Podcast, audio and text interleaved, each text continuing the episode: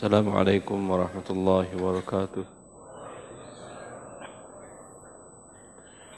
الحمد لله رب العالمين. ونصلي ونسلم على المبعوث رحمة للعالمين. سيدنا محمد وآله وصحبه أجمعين. وبعد. إخواني وأخواتي في الله. إن شاء الله kita akan melanjutkan pembahasan-pembahasan dari buku Harta Haram Muamalat Kontemporer ini. Fadol Ustaz, baca. Bismillah. Patung dan lukisan manusia atau hewan yang tidak disembah. Para ulama sepakat bahwa haramnya membuat patung dan lukisan yang menyerupai manusia dan hewan. Juga haram memilikinya dan patung serta lukisan tersebut wajib dimusnahkan. Ya. Ber Tahu arti sepakat? Tidak ada yang berbeda pendapat. Semenjak zaman sahabat, ini yang kalau dimaksud dengan ulama mu'tabar ya, ulama mujtahid.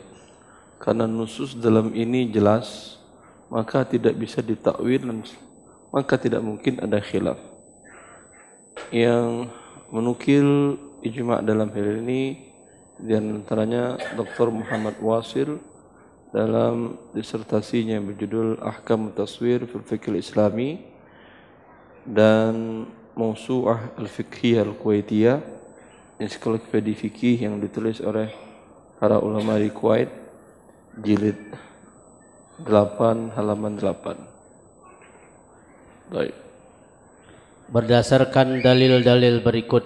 Ya. Satu. Ya. Apa alasan ijma ini? Tentu namanya ijma ada dalil.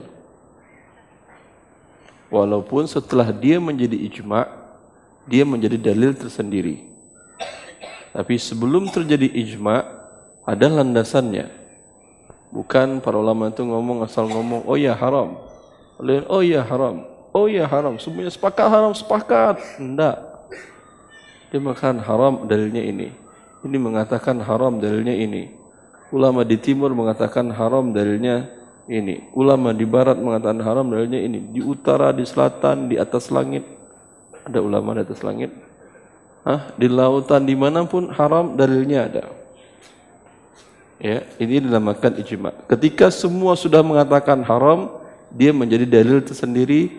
Tidak boleh lagi setelah itu muncul generasi setelahnya. Oh enggak, ini halal ini boleh. Ini tidak dianggap khilaf setelahnya bila sudah ada ijma. Karena ketika ijma itu dia menjadi dalil tersendiri. Maka bila ada ulama zaman setelahnya yang mengatakan boleh, dia menentangi dalil ijma. Ya. Sama seperti kita membahas tentang masalah musik. Ya, dari masa sahabat Nabi sallallahu alaihi wasallam sampai kepada Ibnu Hazmi di abad kelima Hijriah di Andalus baru dia mengatakan boleh. Perkataan boleh dia dia sudah menentangi dalil. Dalilnya selain Al-Quran dan Sunnah, ijma kesepakatan ulama dari masa ke masa yang dinukil oleh para ulama dari seluruh mazhab ya, bisa difahami ini, maka perkataan beliau tidak dianggap ada khilaf. Karena yang dilawannya adalah dalil. Terus satu Allah berfirman A'udzu billahi minasyaitonir rajim إذ قال لأبيه وقومه ما هذه التماثيل التماثيل التي هذه التماثيل التي أنتم له عاكفون لها عاكفون قالوا وجدنا آياءنا وجدنا آباءنا له عابدين لها لها عابدين kacamata perlu diganti kacamata. Qala laqad kuntum antum wa aba'ukum fi dhalalim mubin. Ya. Ingatlah ketika Ibrahim berkata kepada bapaknya dan kaumnya, patung-patung apakah ini yang kamu tekun beribadah kepadanya? Mereka menjawab, kami mendapati bapak-bapak kami menyembahnya. Ibrahim berkata, sesungguhnya kamu dan bapak-bapak kamu berada dalam kesesatan yang nyata. Al-Anbiya 52 sampai 54. Ya, sampai sekarang terbukti orang berada di patung di depan tempat sesembahannya itu mereka khusyuknya bukan main. Gak ada yang bergerak. Anda sholat di hadap, itu di hadapan patung yang kalau Anda coel mata patung itu dia nggak akan bisa menahan menangkis tangan Anda. Orang sholat di hadapan Allah, pencipta langit dan bumi, yang kursinya lebih besar daripada langit dan bumi, tetapi sambil sholat hatinya entah ke mana-mana kemudian pikirannya entah ke mana-mana ya karena mereka tidak mengerti di hadapan siapa mereka berdiri. Terus. Dua. Allah berfirman wanzur ilahi kalladhi zalta alaihi akifan lanuharriqannahu summa lanansifannahu fil yammi nasfan dan lihatlah Tuhanmu dan lihatlah Tuhanmu atau patung emas anak lembu itu yang kamu tetap menyembahnya. Sesungguhnya kami akan membakarnya kemudian kami sungguh-sungguh akan menghamburkannya ke dalam laut berupa abu yang berserakan. Surat Toha ayat 57 dan ayat di atas dan ayat-ayat lainnya mencela patung-patung dan menyatakan sesat orang-orang yang menyembahnya. Serta patung-patung itu wajib dimusnahkan sekalipun terbuat dari emas yang tentunya sangat bernilai tinggi. Mungkin ada orang yang menanggapi bahwa larangan membuat patung dan lukisan dikarenakan dahulu patung-patung itu dijadikan sesembahan. Tetapi sekarang orang-orang yang membuat patung bukan untuk sembahan. Tidak lebih dari sekedar sebuah karya seni yang bernilai tinggi. Argumen ini tidak kuat karena larangan membuat patung bersifat umum. Tidak saja patung yang dijadikan sembahan tapi juga mencakup patung-patung yang bukan untuk disembah dan kalau ingin membuat karya seni lukis karya seni, buatlah karya seni yang tidak dilarang oleh Allah dan Rasulnya. Tiga, seorang laki-laki bertanya kepada Ibnu Abbas, Aku seorang pelukis yang membawa lukisan manusia dan hewan dan aku hidup dari penghasilan melukis. Ibnu Abbas berkata, Aku akan jelaskan hadis yang aku dengar dari Nabi sallallahu alaihi wasallam. Man sawwara suratu suratan. suratan fa innallaha mu'adzibuhu hatta yanfakha fiha hatta yanfakha fiha ruha wa laysa binafikhin fiha abada Siapa saja yang membuat gambar manusia dan hewan Niscaya ia akan disiksa hingga ia mampu meniupkan nyawa pada lukisan yang dibuatnya. Padahal selama selamanya ia tidak mampu memberi lukisan tersebut nyawa. Orang yang mendengar jawaban Ibnu Abbas tadi mendadak gemetar dan mukanya pucat. Lalu Ibnu Abbas menghiburnya. Buatlah lukisan yang tidak bernyawa seperti pohon dan lain-lain. Hadis riwayat Bukhari dan Muslim. Ya, hadis ini jelas bahwa di masa Ibnu Abbas orang tidak nyembah patung lagi. Tapi tetap Ibnu Abbas mengingatkan orang ini untuk tidak membuat lukisan yang bernyawa manusia dan hewan. Terus. Empat. Ali bin Abi Talib radhiyallahu anhu berkata kepada Abi Hayyaj saat melantiknya menjadi salah seorang gubernurnya. Aku akan memerintahkanmu sebagaimana aku diperintahkan oleh Rasulullah sallallahu alaihi wasallam. Allah ta Allah ta Allah tada'a Timsalan. Allah tada'a timsalan illa tamasta tahu wala qabran musyrifan illa saw Sawaita. Sawaina. Sawaina. Hapus semua gambar yang bernyawa atau patung dan kuburan-kuburan yang dibangun ratakan dengan tanah. Hadis riwayat Muslim. Perintah Nabi sallallahu alaihi wasallam untuk menghapus atau melenyapkan setiap gambar atau patung menunjukkan bahwa gambar dan patung bukanlah suatu benda yang memiliki nilai. Jika patung bernilai sebagai harta, tentu Nabi sallallahu alaihi wasallam tidak akan menghapusnya. Karena hal ini berarti membuang-buang harta.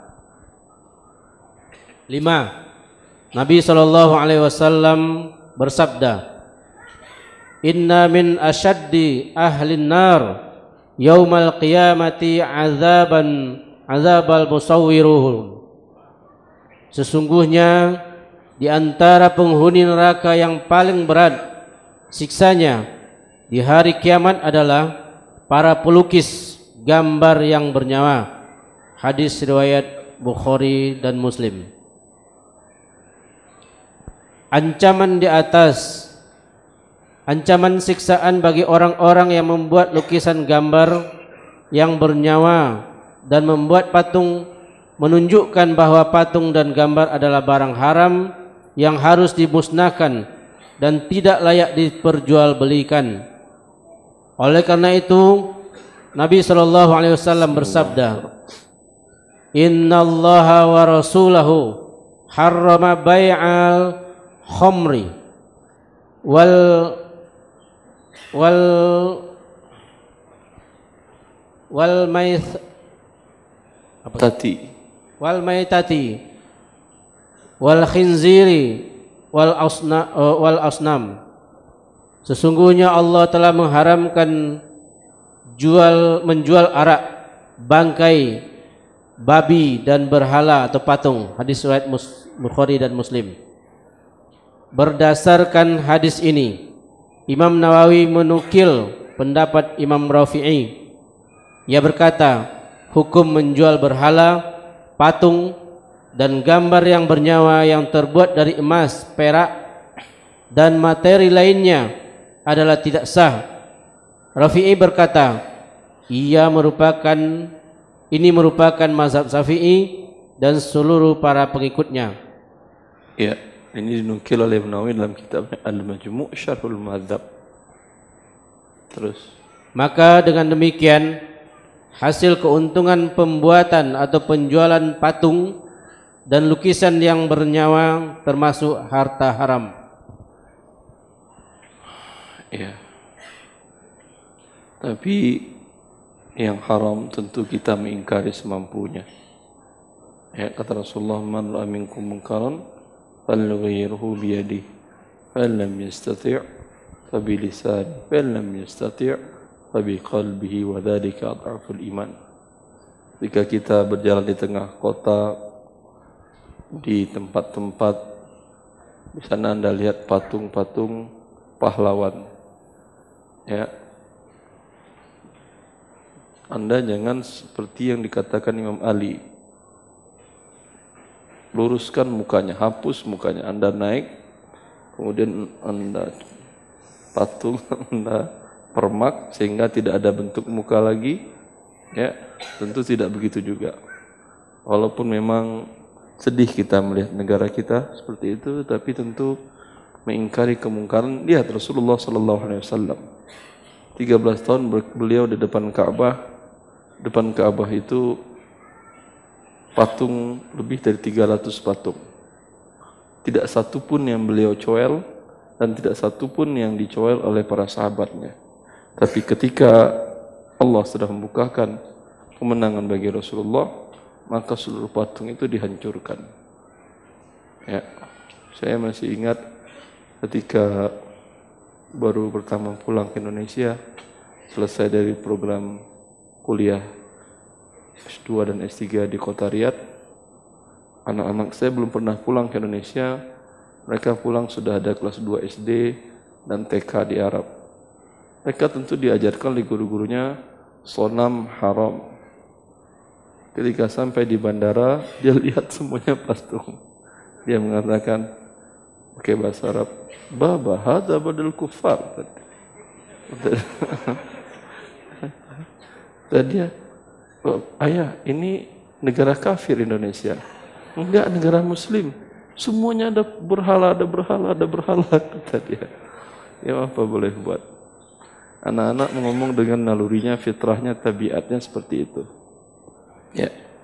Tentu semampunya bila Allah memberikan kepada anda kemampuan untuk merubahnya tentu semampunya anda rubah semaksimal mungkin semampunya wallah taala alam ya. Kalau anda umpamanya diminta pendapat untuk membuat sebuah monumen buat monumen yang tidak memaksiati Allah. Buat monumen pisang monumen durian gitu. Hah? enak melihatnya kalau lapar pergi ke monumen, masya Allah.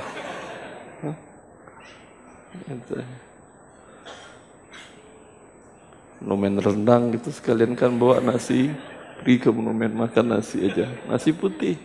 Kan membantu orang-orang yang lemah duafa untuk makan kenyang di depan monumen rendang. Baik. Terus menjual patung atau poster manusia atau hewan. Untuk mengetahui hukum jual beli foto makhluk yang bernyawa, terlebih dahulu harus diketahui hukum memotret objek makhluk hidup. Permasalahan hukum menggambar makhluk hidup dengan menggunakan kamera merupakan permasalahan yang tidak dibahas oleh ulama terdahulu karena kamera baru ditemukan pada awal abad ke-19 Masehi. Para ulama modern berbeda pendapat tentang hukum mengambil gambar dengan menggunakan kamera. Pendapat pertama, sebagian para ulama mengharamkan pengambilan gambar menggunakan kamera atau hasil pemotretan tidak dibolehkan kecuali untuk hal yang bersifat sangat penting sekali seperti pas foto yang ditempelkan pada paspor, KTP, ijazah dan dokumen-dokumen penting lainnya. Pendapat ini didukung oleh para ulama Dewan Fatwa Kerajaan Arab Saudi Fatwa nomor 1978 Dalil pendapat ini adalah bahwa tindakan mengambil gambar dengan kamera secara bahasa tidak disebut bisa disebut secara bahasa bisa disebut menggambar dan hasil gambar yang dihasilkan juga dinamakan gambar. Dengan demikian, tindakan dari hasil pembuatan tersebut termasuk dalam larangan menggambar. Ya. Uh, ini fatwa dari has, fatwa dikeluarkan oleh Dewan Fatwa Ulama Kerajaan Saudi Arabia. Mereka mengatakan bahwa hasil potretan dengan kamera pun hukumnya adalah termasuk hukumnya haram. Karena secara bahasa dalam bahasa Arab nama hasil potretannya surah. Nama tukang fotonya musawwir. Ya. Sama dengan hadis tadi. Di hadis tadi inna min asyaddan nasi azabin inna min asyaddan nasi azaban yaumal qiyamah al musawwirun kata Rasulullah. Kata Rasulullah orang yang berat azabnya di akhirat adalah musawirun. Baik dia menggambar dengan tangannya, yang menggambar dengan motret dengan kamera juga adalah musawir.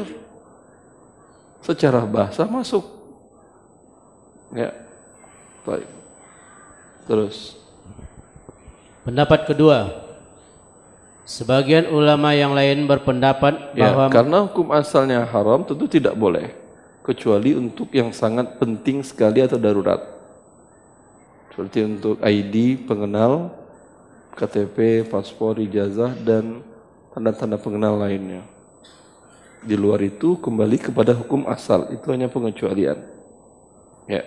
Pendapat kedua, pendapat kedua, sebagian ulama yang lain berpendapat bahwa memotret menggunakan kamera sekalipun objeknya adalah makhluk hidup hukumnya dibolehkan.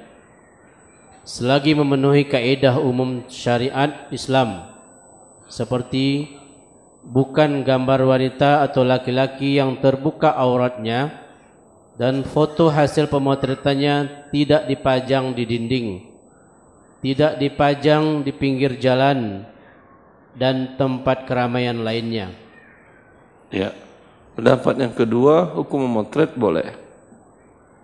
Selagi hasil potretannya itu memenuhi kaidah syariat.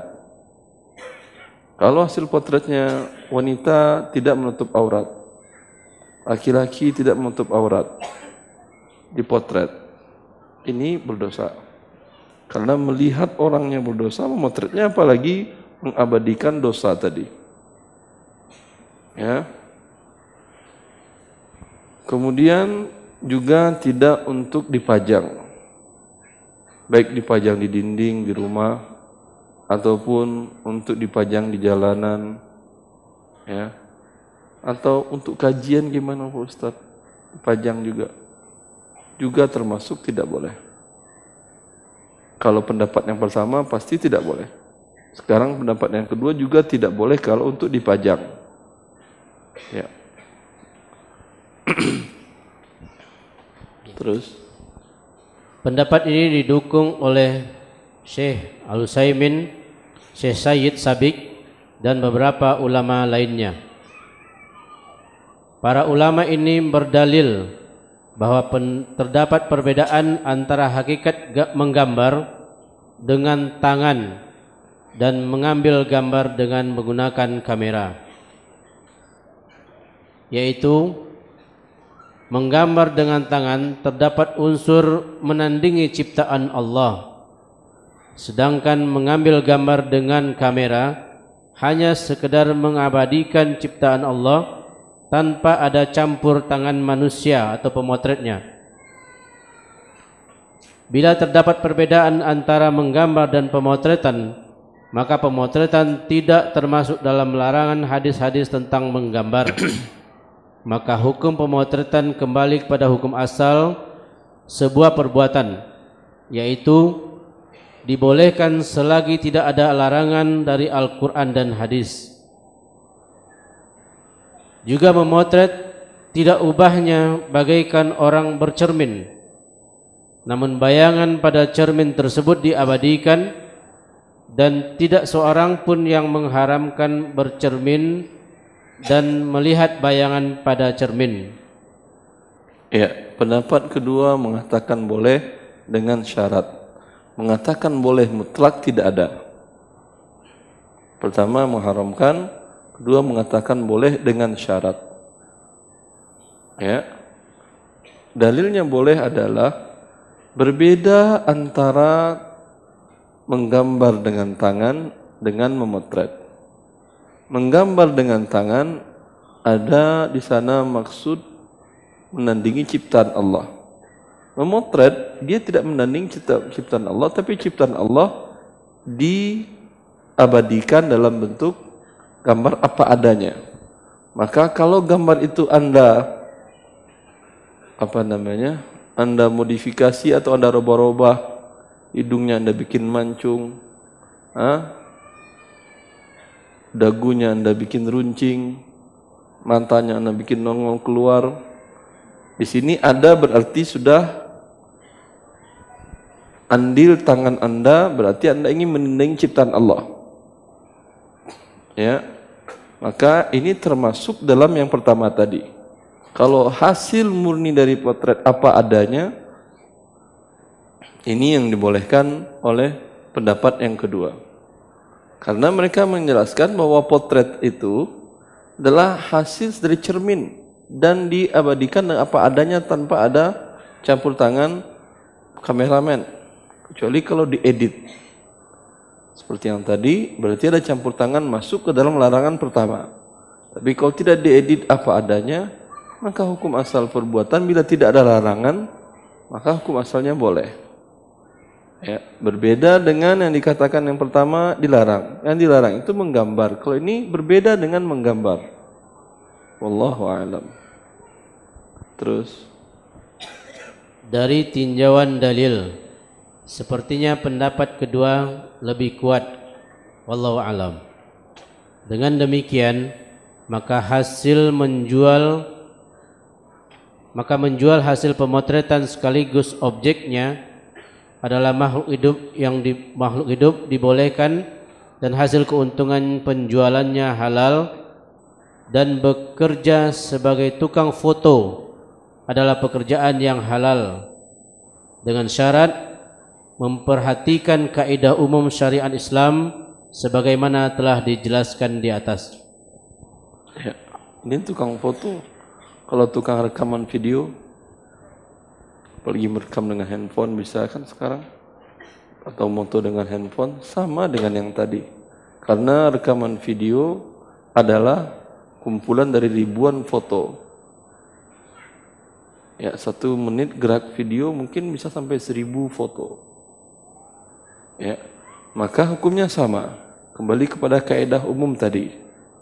Ya. Kalau pendapat yang pertama tidak boleh kecuali darurat. Kecuali untuk hal yang sangat penting sekali. Kalau pendapat yang kedua boleh tetapi ada catatan. Catatan objeknya objek yang mubah. Kemudian hasilnya bukan untuk dipajang. Ya. Wallah taala alam. Sekarang saya jawab. Ya, silahkan. Uh, Hiwa sekalian, materi pemaparan materi telah selesai oleh Ustaz kita. Sekarang kita laksanakan tanya jawab bagi Iwan yang akan bertanya langsung baris di belakang mic juga ahwatnya.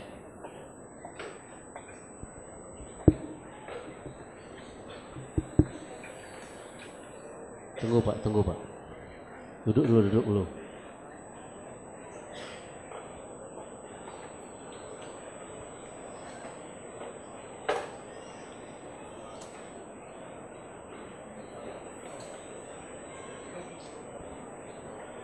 Sistem pertanyaan kita Dua pertanyaan Ikhwan Kemudian dilanjutkan dengan dua pertanyaan dari Ahwat Dan kembali ke Ikhwan lagi Demikian seterusnya Silakan pada Iwan bertanya dulu. Silakan. Assalamualaikum warahmatullahi wabarakatuh. Aturannya per orang satu pertanyaan atau boleh lebih? Per orang satu pertanyaan. Satu pertanyaan. Jadi Terus. dua orang Iwan, kemudian dilanjutkan ke dua orang Ahwat, satu orang satu pertanyaan. Barakallahu fikum Ustaz. Allah barik fikum. Ana izinkan Ana untuk bertanya materi sebelumnya Ustaz. Ya. Soal pengharaman musik. Soal pengharaman musik. Pengharaman musik terus. Jadi gini Ustaz, saya ini bekerja di operator seluler di Indonesia. Kurang jelas. Saya bekerja di operator seluler di Indonesia. Operator seluler. Operator saluran apa? Operator seluler. Oh, seluler. Kedengannya saluran. Nah. saluran apa yang Anda operatorkan? Operasikan ya. Hah. Sebelumnya kan operator seluler itu kan dia produknya itu voice eh telepon sama SMS Ustaz. Ya. Sekarang ini udah merana ke paket data. Ya data ya. bisa internetan seperti itu. Dan masalahnya yang mengganjal di hati saya itu tim bisnis di kantor saya itu mulai meranah ke aplikasi-aplikasi musik. Apa? Aplikasi-aplikasi musik. Jadi ada beberapa aplikasi musik itu digratiskan. Misalnya sebagai contoh itu musiknya Jux. Jadi ada aplikasi namanya Jux. Perusahaan saya, perusahaan yang tempat saya bekerja itu mengeluarkan paket data di mana dia bisa mengakses Jux sebanyak 4 giga selama satu bulan gratis. Seperti Jux. itu. Iya, itu ada aplikasi musik Ustadz. Musik semua Hmm. intinya. ha. Nah, yang saya mau tanyakan gimana status saya Ustadz yang bekerja di perusahaan itu? Karena sebagian dia ada telepon, SMS, tapi ada juga paket data. Dan kadang tim marketing itu sampai bikin baliho Ustadz di jalan-jalan ya kayak tadi juga ada gambar. Kadang gambarnya itu wanita tidak menutup aurat.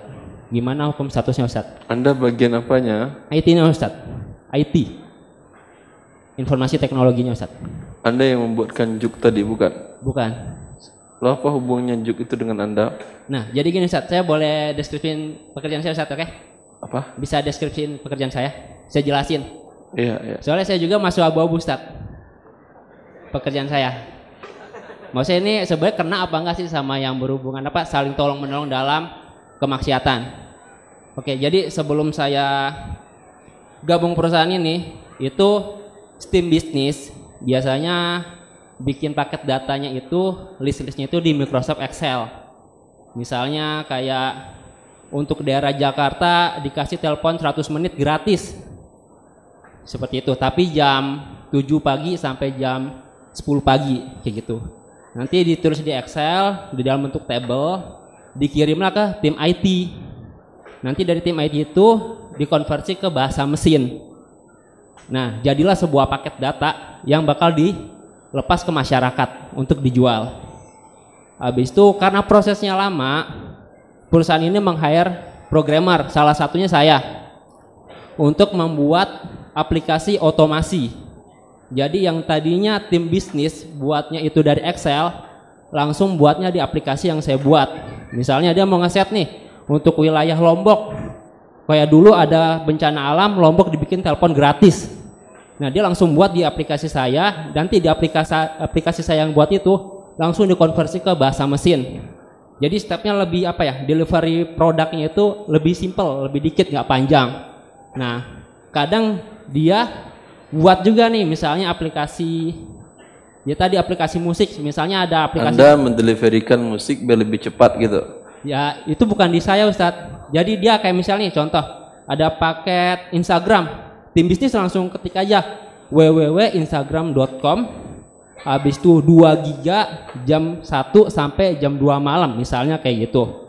Nah kadang saya pernah ngakalin juga Ustadz. Yang aplikasi-aplikasi maksiat tuh saya handle-handlein semua jadi nggak bisa di delivery cuman masalahnya kok kayak gitu mereka nggak punya apa nggak kehabisan ide dia pakai cara yang lama lagi jadi buat aplikasi-aplikasi maksiat itu dia tetap terus di Excel habis itu ntar ditaruh ke tim IT yang buat konversi nggak lewat aplikasi saya Tapi Anda terus Nah, melawan yang saya yang jadi maksiat. Anda potong gitu, tidak Nah. Anda sampaikan. nah ya itu saat saya Ya minta boleh, solusi. bagus. Kerja Anda bagus. tapi ya saya banyak itu sih berdalih aja sih kalau dari bos saya Ustaz Apa? berdalih jadi saya banyak-banyak alasan kadang mas, apa ya alasan saya kurang masuk akal gitu Enggak apa-apa, enggak masuk akal, tapi diridhoi Allah. terima kasih Ustaz jazakumullah khairan kasihan. Bagus orang IT kayak Anda banyak bagus. Sehingga maksiat berkurang di negara kita. Fadllah. Ya silakan yang berikutnya. Tapi kalau orang IT yang ikut apa aja kata bosnya, ini mengundang murka Allah di Indonesia. Fadl. Assalamualaikum warahmatullahi wabarakatuh.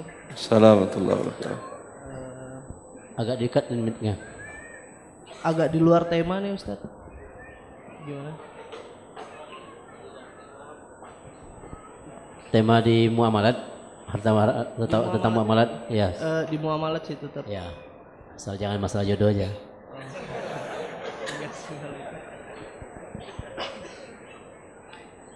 Eh, abang saya kan kerja di salah satu perusahaan asuransi di Indonesia.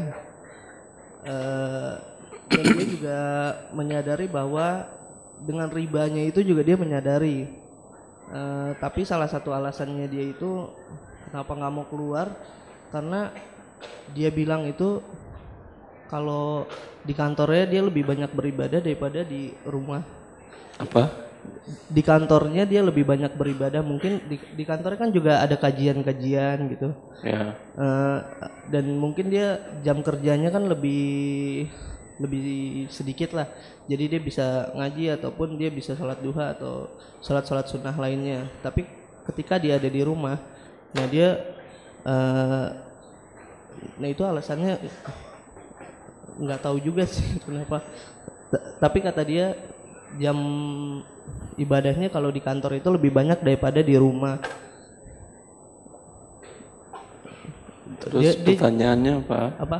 Oh iya saya sebenarnya cuma mau minta nasihat dari Ustadz aja sih buat abang saya itu dengan alasannya eh, yang tetap bekerja di tempat yang haram itu eh, dengan alasan dia lebih banyak beribadahnya di, te- di tempat kerjanya daripada di rumahnya. Apabila dia pindah kan dia belum tentu langsung bekerja lagi tuh. Dan dia juga sebenarnya dosen juga sih di bidang accounting. Untuk mata kuliah accounting. juga. apa? Accounting riba juga. ya gitu. Ya semacam itu. Baik. Eh Afwan Ustadz bo- boleh minta izin boleh anda rekam nggak Itu banyak yang ngerekam tuh dua tiga oh gitu siap siap ya terima kasih Allah barik. Ya. Semoga Allah Subhanahu wa taala memberikan hidayah kepada kita semua. Ya. Terkadang orang kalau disampaikan firman Allah disampaikan kepadanya secara logika, mereka masih belum menerima karena dia berhubungan dengan keseharian dia. Berhubungan dengan gajinya. Terkadang dia tidak siap untuk menempuh menjalani hidup dari nol kembali untuk mencari rezeki. Ya. Ini beranjak dari ketidaktawakalannya kepada Allah Azza wa Jalla. Sehingga dia mencari-cari alasan. Padahal dia jiwanya tahu dan hatinya sangat paham bahwa apa yang dilakukan sekarang ini dalam keadaan bermaksiat kepada Allah. Allah Maha Penyayang kepada kita. Sehingga Allah ciptakan dalam tubuh kita hati yang bila Anda berbuat dosa, dia tidak akan tenang. Kalbu yang bila dia bermaksiat kepada Allah, getarannya tidak normal. Ini semua makhluk Allah ciptakan seperti itu. Sampai pun kucing lihat. Antara dia mencuri lauk Anda dengan yang Anda beri. Kalbunya mana yang tenang? Masa kalah kalbu Anda dengan kalbu kucing? Ya. Maka istafti qalba kata Rasulullah sallallahu alaihi wasallam. Minta fatwa kepada hatimu. Terkadang engkau minta fatwa kepada orang, engkau bantah, engkau jawab ah begini ah begitu. Tapi tanyakan kepada hatimu. Banyak kaum muslimin ketika dia berada di suatu tempat dia memberikan hujah, oh ini kan khilaf Ustaz, ini kan begini, ini kan begini. Saya tanyakan kepada dia, kalau anda khilaf, ngapain anda lagi bertanya kepada saya? Kan khilaf. Hati saya enggak tenang Ustaz sampai anda menjawab boleh. Saya jawab pun boleh, tidak mau robah perasaan hati anda. Karena yang menyebabkan hati anda itu bukan saya. Allah Azza wa Jalla.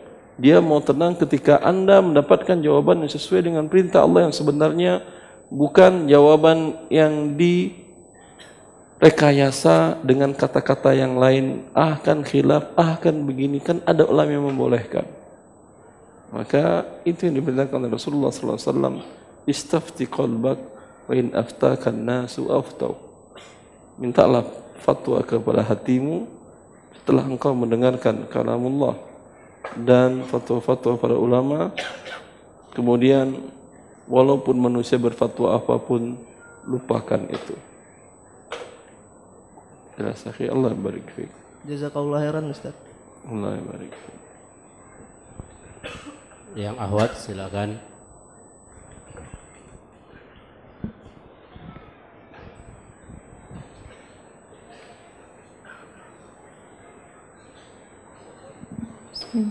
Bismillahirrahmanirrahim. Assalamualaikum warahmatullahi wabarakatuh.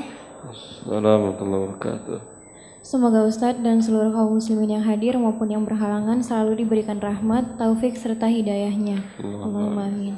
Ustadz mengenai vaksin impor yang sempat saya tanyakan di bulan lalu. apa em, mengenai vaksin impor Ustadz yang pernah saya tanyakan di bulan lalu. apa vaksin import. Vaksin impor. Iya. Terus? Alhamdulillah eh, setelah dapat saran dari Ustadz saya sudah sampaikan mencoba ikhtiar kepada pasien saya sampaikan bahwa pasien beberapa yang mengandung babi itu tidak boleh digunakan oleh kaum muslimin. Nah kemudian eh, saya sampaikan mencoba menyampaikan kepada dokter spesialis tersebut tapi beliau berdalih yang pertama vaksin yang memang bersumber babi tapi hasil akhirnya beliau bilang eh, tidak ada mengandung babi gitu Ustaz. Tapi di dusnya sendiri itu eh, ber- bersinggungan dengan babi gitu Ustaz. Nah, untuk syubhat yang kedua, Dusnya bersinggungan babi, maksudnya ditendang babi atau apa maksudnya? keterangan di dusnya Ustaz. Keterangan di boxnya itu Tertulis di boxnya bahwa ada babi gitu. iya benar Ustaz. Vaksin ini me- bersinggungan dengan babi. Ah. Nah, salah satunya adalah vaksin cacar, namanya Varivax. Kemudian syubhat yang kedua, Ana diingatkan jangan ragu gitu beliau bilang. Karena dokter juga ada yang ustadz, bahkan dokter tersebut atau ustadz tersebut pro banget dengan vaksin gitu Ustadz. Apa? Dan Ana diingatkan dengan beliau, jangan ragu karena dokter juga ada yang ustadz dan dokter ini dan ustadz ini adalah dokter juga gitu dan beliau pro banget dengan vaksin gitu dibilang Ustadz. Beliau pro pro vaksin. pro vaksin banget. Dokter Ustadz ini pro vaksin gitu. Iya benar. Kemudian yang Ustadz ketiga, yang nggak dokter nggak pro vaksin gitu. Terus kemudian syubhat yang ketiga dan ada ulama dari luar negeri juga yang menghalalkan vaksin tersebut gitu Ustaz. Dari beberapa buat tersebut apa yang harus saya lakukan Ustaz? Anda kebutuhannya hubungannya dengan vaksin apa? Menjualkan vaksin atau apa?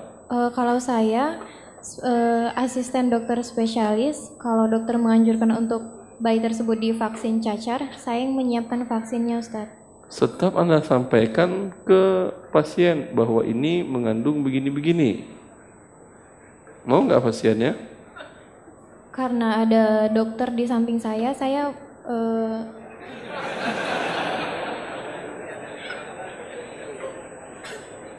Kalau enggak berarti Anda dan dokter Anda menipu pasien. Jelas? Eh, nah, Ustadz.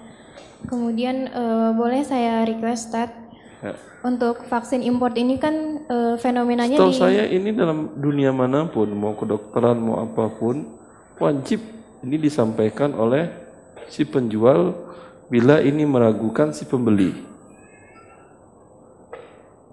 Saya bahkan di barat untuk makanan-makanan yang mengandung bersinggungan dengan babi ada kode-kode tertentu bahwa ini bersinggungan dengan babi dan itu negara mereka mewajibkan untuk produsen melakukan itu. Itu padahal negara mereka menghalalkan babi.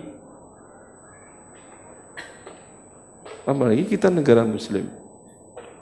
Mayoritas penduduknya.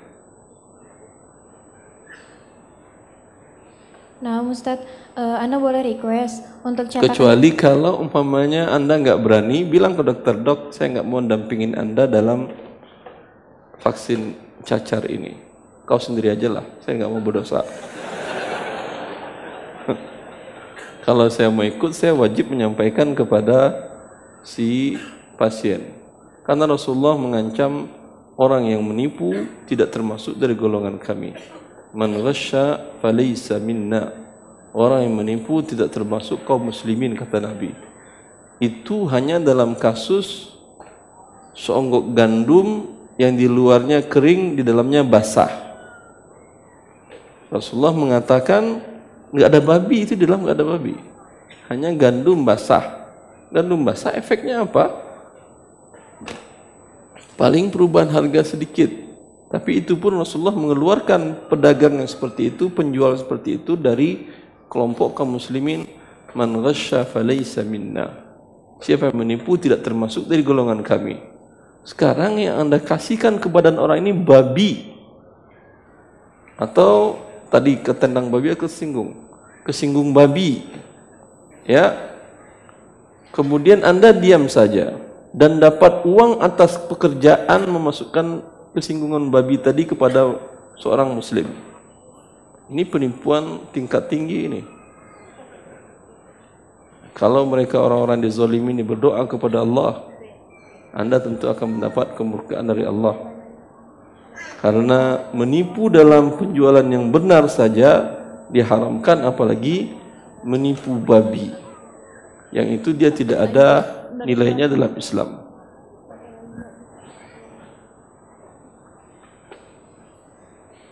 Nah, Ustaz. Ya. Eh, dan Anda boleh request Ustaz untuk cetakan selanjutnya mohon dibahas vaksin import eh, tersebut karena masih banyak di lapangan beberapa kaum muslimin yang belum paham mengenai vaksin ini. Eh, yang sering disodorkan ke kaum muslimin atau pasien-pasiennya itu adalah vaksin cegah mencret dan vaksin eh, demam tapi tidak menimbulkan demam gitu Ustaz. Jadi di lapangan sendiri emang fenomenanya seperti fenomena gunung es Ustaz. Gunung Es musim kemarau bagus. Saya maksud Gunung Es. Ya insya Allah Ibu. Jazakallahu Allah barik khair fiik. Ustaz. Berikutnya Bismillah, Assalamualaikum warahmatullahi wabarakatuh. Assalamualaikum. Eh, Ustadz, Ana mau bertanya, kan sekarang itu banyak banget ya yang foto buat jualan online shop, yang itu tuh jual baju muslimah, tapi mukanya itu kelihatan, Apanya yang kelihatan? muka, wajah. Ah, Nah, nah itu bagaimana ya Ustadz hukumnya kalau yang wajahnya kelihatan atau wajahnya semuanya di blur atau yang dia tuh pakai nikob tapi bagian matanya itu pakai kacamata atau matanya itu di blur seperti itu Ta- Ustadz. Iya memang kata Ali bin Abi Thalib tadi kepada Abi Hayyaj Rasulullah mengutusku mengatakan kepadaku dan itu aku katakan kepadamu setiap patung blur mukanya ratakan mukanya. Wama min timsanin illa tamastahu. Toms itu ya di blur diratakan mukanya. Jelas ibu? Jadi boleh ya Ustadz? di blur iya. Memang harus bukan boleh Oh iya. harus di blur mukanya Nah kan kalau misalnya yang misalnya tuh kalau yang pakai nikob gitu kan biasa ada yang pakai kacamata Ustadz. Pakai Nah kalau pakai kacamata bagian matanya tuh jadi ditutupnya pakai kacamata tapi bukan di blur. Itu gimana ya Ustadz? Kalau pakai niqab kan sudah tertutup itu. Yang mata bagian matanya Ustadz. Ya di blur udah. Iya. Terus itu apakah berlaku juga bagi buat kalau kita mau foto katalog buat yang Ikhwan? Buat apa? Foto buat Ikhwan kayak misalnya katalog baju Ikhwan gitu Ustadz. Apa mukanya? Di, di blur Sama juga ya. Ya. Oh, tapi ini itu Ustadz modelnya itu manusia. Bukan patung. Iya Tetap apa sama. salahnya manusia di blur mukanya? Oh iya iya iya Ustaz. Ya eh, Ana takut ya, Ustaz mikirnya kalau itu patung gitu loh Ustaz. Jadi Ana perjelas kalau ini tuh modelnya tuh ahwat yang beneran ahwat kayak gitu Ustaz.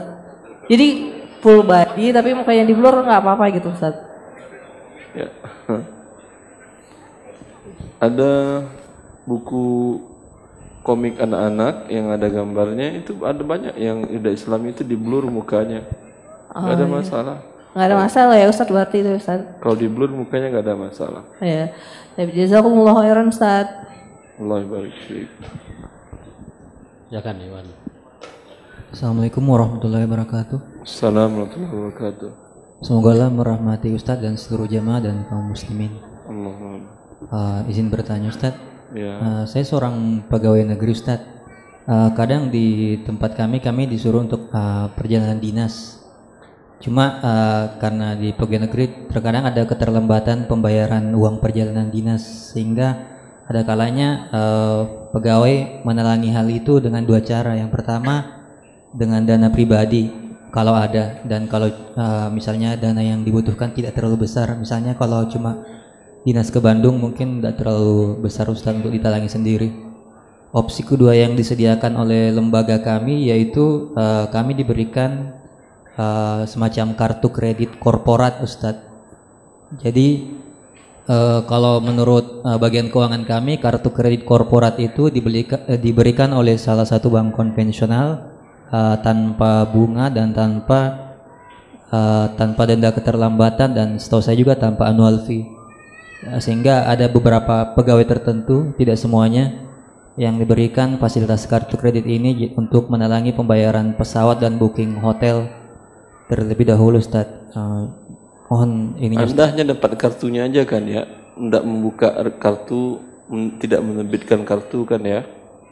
Eh, eh, kartu itu atas nama pegawai pribadi jadinya Oh, Ustaz. berarti anda yang datang ke bank itu buat untuk menerbitkan kartu, bukan? Ah, jadi kalau misalnya kalau saya Ustaz, saya kan eh, tidak saya kan tidak eh, saya kan pegawai relatif baru Ustaz. Kadang saya pakai kartunya senior Ustaz. Misalnya pegawai yang sudah lama itu, eh, di situ Kalau yang senior itu dia yang menerbitkan. formu- formulir pembukaannya dia yang dia yang tanda tangan Ustaz. Yang tanda tangan. Ya. Tapi Kalau anda hanya terima kartunya saja dan manfaatkan isinya. saya saya pakai kartu senior saya Ustaz. Iya, bagi anda nggak ada masalah. Hmm. Walaupun walaupun itu ada biaya-biaya ini Ustaz ya. Biaya apa? Tapi tadi nggak ada denda, Oh ya. nggak ada nol fee. Oh ya Ustaz. Itu biaya apa lagi? Oh, enggak. ya Ustaz itu aja Ustaz. Allah. Ya. Assalamualaikum warahmatullahi Salam berkat.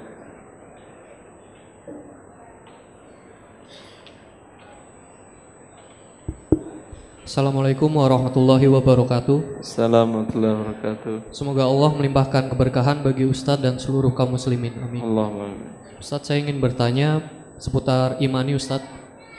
Jadi saya sudah mendengar penjelasan Ustadz terkait imani. Nah pada beberapa waktu yang lalu saya menggunakan ojek online Ustadz dengan pembayaran cash. Namun pada saat saya turun ternyata driver itu mengatakan bahwa dia akan berhenti atau resign dari pekerjaannya. Lalu masih ada sisa saldo imani yang dihadiahkan kepada saya secara gratis cuma-cuma. Lalu saya mendapat imani tersebut sebesar Rp10.000 Ustaz. Nah, bagaimana hukumnya jika saya mempergunakan imani tersebut untuk eh, menggunakan ojek online tersebut Ustaz? Karena saya tidak deposit uang, saya dihadiahkan secara gratis seperti itu Ustaz. Boleh, karena anda dapatnya gratis. Baik, terima kasih. Allah barik. Tapi eh, maaf Ustadz saya tanya lagi seputar itu. Kan Ustadz juga membahas seputar GoFood. Bagaimana jika imani tersebut saya gunakan untuk GoFood? Apakah juga termasuk tidak boleh? Anda gunakan membeli GoFood? Iya Ustadz.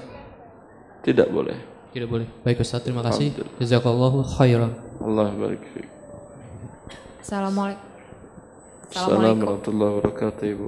Semoga kita semua diberikan rahmat dan hidayah oleh Allah Subhanahu wa taala. Allah barik fiik. Eh, Bagaimana hukumnya bekerja sebagai eh, inventory dan admin makeup seperti bedak muka, Ustadz? Apakah Apa terma- ulangi-ulangi Bu? bagaimana hukumnya bekerja sebagai bagian inventory dan admin makeup seperti bedak muka, Ustadz? Bed- Benda muka? Bedak, Ah, bedak. ya bedak muka, Ustadz.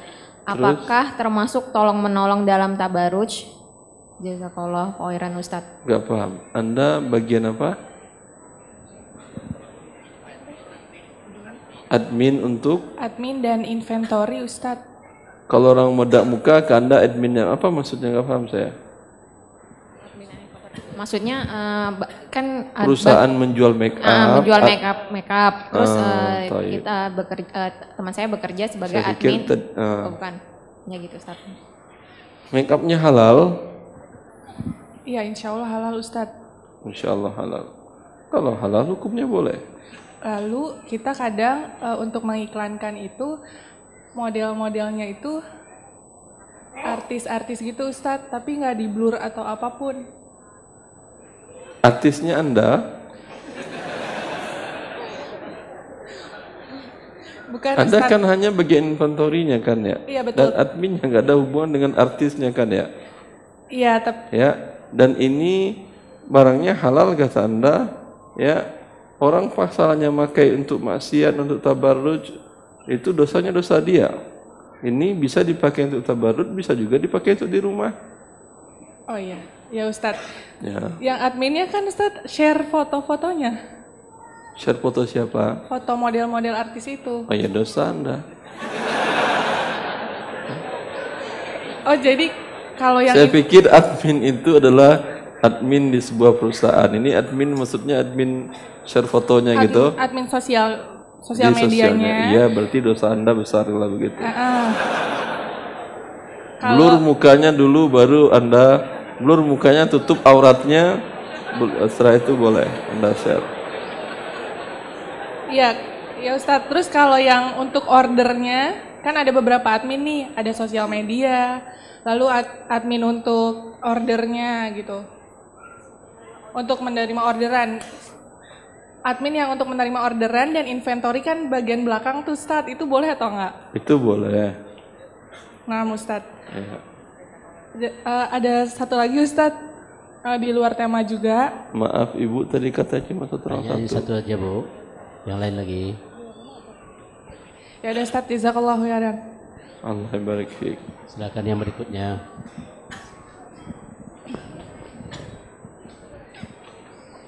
Assalamualaikum warahmatullahi wabarakatuh. Assalamualaikum warahmatullahi wabarakatuh. Eh, saya langsung aja, Ustadz. eh, saya seorang pendidik. Iya bu.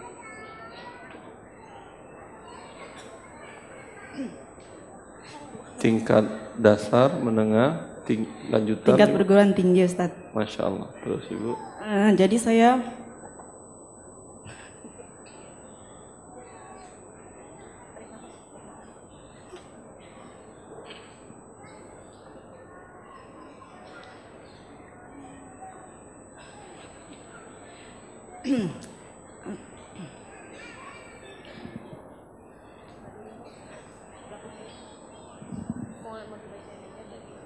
Afwan Ustadz saya bacakan aja. eh, Ya. Saya seorang dosen di jurusan Desain Komunikasi Visual. Latar belakang Apa? saya, Pelan pelan pelan. saya seorang dosen di jurusan Desain Komunikasi Visual. Lat- Visual, Iya. desain, desain komunikasi visual. Apa maksudnya itu? Maksudnya apa? Yang Kalau suka- saya dosen syariah, maksudnya saya ngajarkan ilmu syariah, Oh. ngajarkan fikih, ngajarkan wudhu halal, jual beli halal, itu maksudnya.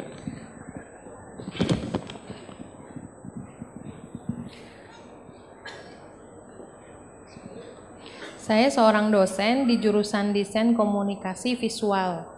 Latar belakang saya dari ilmu budaya yang memberikan ilmu bantu kepada jurusan tersebut. Ilmu bantu Ilmu budaya yang membe- eh, dari ilmu budaya yang memberikan ilmu bantu kepada jurusan tersebut. Teman-teman saya atau dosen yang lain memang banyak yang menggambar manusia atau hewan. Ah, Namun kehadiran saya di jurusan tersebut justru memberi warna yang berbeda. Misalnya dengan tegas saya mendakwahkan kepada mahasiswa saya untuk tidak menggambarkan manusia atau hewan. Walaupun mungkin saya akan dimusuhi oleh rekan-rekan sejawat saya. Apakah saya perlu bertahan di lingkungan tersebut, Ustadz, agar ada warna dan pemberi kebijakan yang berbeda dari rekan dosen yang lain? Jazakallahu khairan. Allah. Beda-beda manusia. Kalau Anda bisa istiqomah, memperjuangkan yang hak, membantu orang keluar dari yang haram, ini bagus. Tapi kalau khawatir malah Anda terjerat dengan kondisi Anda adalah minoritas di sana, maka sebaiknya hijrah. Hijrah kepada desain syariah. Ya, buat sendiri jurusan desain visual komunikasi syariah. Iya kan ya? Mungkin banyak dalam ilmu-ilmu syariah itu yang perlu divisualisasikan yang komunikasi desainnya ada. Wallahu a'lam. Jadi misalnya seperti ini Ustadz, Eh, misalnya nih kan ada seperti eh, memvisualisasikan tentang eh, apa namanya eh, agama Hindu Buddha kan itu ada gitu misalnya Ustadz. Terus misalnya eh, apa akulturasi antara Islam dengan Hindu.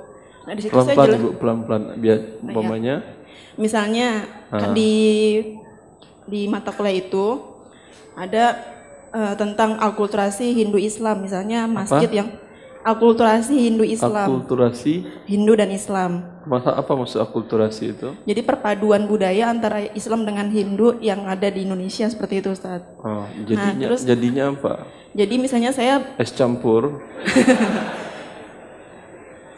Jadi Terus? misalnya dalam dalam uh, bangunan masjid gitu. Nah, Oh. Contohnya misalnya masjid tumpang. Jadi saya jelas gitu uh, apa namanya men- apa namanya menjelaskan bahwa itu memang akulturasi Hindu gitu. Maksudnya uh, benar-benar dari dari Hindu gitu, Ustaz. Atau misalnya tumpeng, tumpengan tuh loh, Ustaz. Tahu tumpeng, ya Ustaz? ya? Tumpeng. tahu. Jadi saya jelas gitu, maksudnya em, men- menjelaskan kepada mahasiswa saya bahwa itu adalah agama Hindu yang sebenarnya tidak tidak usah untuk diikuti seperti itu, Bu. Tumpeng agama Hindu, tumpeng Iya. nasi atau apa itu? Iya tumpeng nasi betul, tapi kan filosofinya apa filosofi Hindu. hubungan nasi dengan agama Hindu? Eh, filosofinya kan filosofi Hindu, Ustaz. Seperti itu. Eh, kenapa hubungannya dengan Hindu filosofi nasi? Em, jadi kalau Berarti harus, harus tumpeng kurma biar jadi filosofi Arab itu. Iya, tapi kalau misalnya di karena saya sudah mempelajari budaya tersebut, jadi ternyata tumpengan itu ada akulturasi antara Hindu dan Islam dan visualisasi dari tumpeng tersebut ternyata memang pure murni dari Hindu gitu sep- seperti itu. Kalau tumpengnya untuk diberikan ke jin, dibuang ke lautan atau ditinggal dalam hutan, disesajenkan itu iya. Ya. Atau ayamnya atau sapinya disembelih tidak baca bismillah, itu iya haram. Bagian dari kesyirikan. Tapi kalau nasinya dibuat warna kuning, nasi kuning apa salahnya? Walaupun itu filosofinya sudah jelas dari karena di buku di salah satu kitabnya Hindu itu ada gitu loh Ustaz filosofi eh, apa? Semua nikmat di atas dunia ini Allah ciptakan untuk manusia. Huwallazi khalaqa lakum ma fil ardi jami'a. Dialah Allah yang menciptakan untuk kalian apa yang ada di atas muka bumi ini. Tentu untuk dalam rangka mentaati Allah Azza wa Jalla. Nikmat ini kalau dirubah menjadi untuk maksiat, ia berdosa dia. Tapi dia nasi adalah nasi. Anda nanti bilang juga rendang itu filosofi Budanya ada juga Pak Ustaz. Pusing kita makan nanti apa lagi nanti. Orang itu ada filosofinya dengan animisme Ustaz. Iya. Eh, maksudnya gini loh Ustadz, bukan karena nasinya sebagai eh, sumber makanannya bukan, tapi kan kita bisa saja gitu kalau misalnya acara tuh kan nggak perlu tumpengan, tapi bentuknya tumpengnya itu sendiri itu memang filosofinya memang dari Hindu gitu Ustadz. Sama seperti kalau kita nikahan pakai janur seperti itu Ustadz. Yang Itu jelas, jelas, Rasulullah SAW di negeri Habasyah diceritakan bahwa gereja di sana ada gambar patung-patung. Bolehkah kata Rasulullah SAW tidak boleh ada gambar-gambar patung. Tapi masalah bentuk gerejanya eh, segi empat, segi lima, segi enam, segi delapannya Rasulullah tidak melarang.